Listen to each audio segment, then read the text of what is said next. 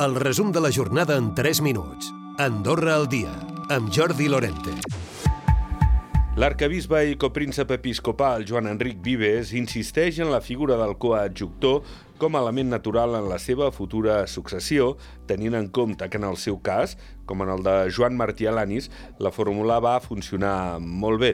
Escoltem Vives. Jo no he demanat cap successió encara, jo no he demanat cap coadjutor, però sí que si em pregunteu, és una fórmula que amb mi va funcionar que pogués venir una persona adequada per a, per a Andorra, doncs jo molt gustosament demanaria, però no s'ha fet encara un coadjutor. Aquesta és la, la, la, la, la realitat del que jo tinc que dir, no et puc dir més.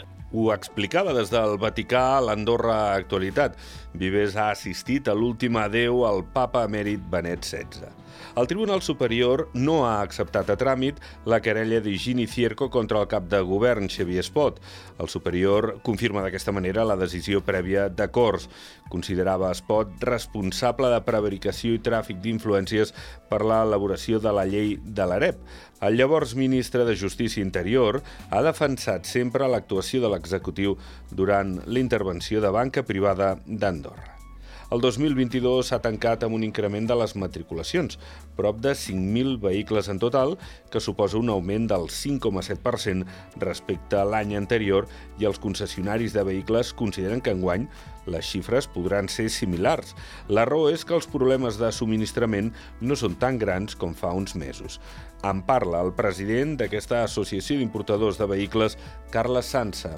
Costarà tornar a aquell moment en què anàvem a un concessionari, hi havia multitud de, de vehicles amb multitud d'equipaments i multitud d'opcions mecàniques. Avui en dia hem de ser una miqueta més curosos i planificar les nostres compres. No obstant, eh, les dades diuen que, que aquesta feina s'està fent, s'està fent bé i que el consumidor també ha après a conviure amb aquesta situació. El govern ha ingressat durant el 2022 més de 230 milions d'euros en impostos per a la importació de mercaderies. Ho ha fet això sí després d'un mes de desembre més aviat fluix, on s'ha recaptat només 15 milions d'euros. Són amb tot 10 milions menys que els mesos d'octubre i novembre, que van ser els més forts de l'any.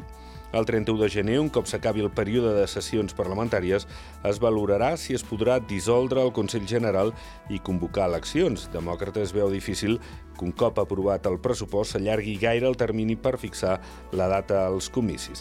En parla la presidenta suplent del grup parlamentari demòcrata, Mònica Bonell. És difícil una vegada aprovat el pressupost doncs, allargar gaire les eleccions perquè, evidentment, doncs, també és, doncs, el mes de febrer és un mes que és fora del període de sessions. Els Reis d'Orient han fet cap a Andorra. Molts regals per a tothom. Feliç nit de Reis. Recupera el resum de la jornada cada dia a Andorra Difusió.